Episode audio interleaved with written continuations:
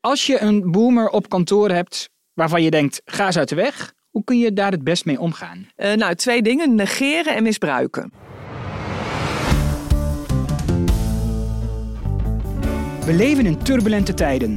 De beste houvast die wij jou kunnen bieden is Japke de Bauma. Koningin van de kantoorjungle, maar ook een allesweter over het dagelijks leven.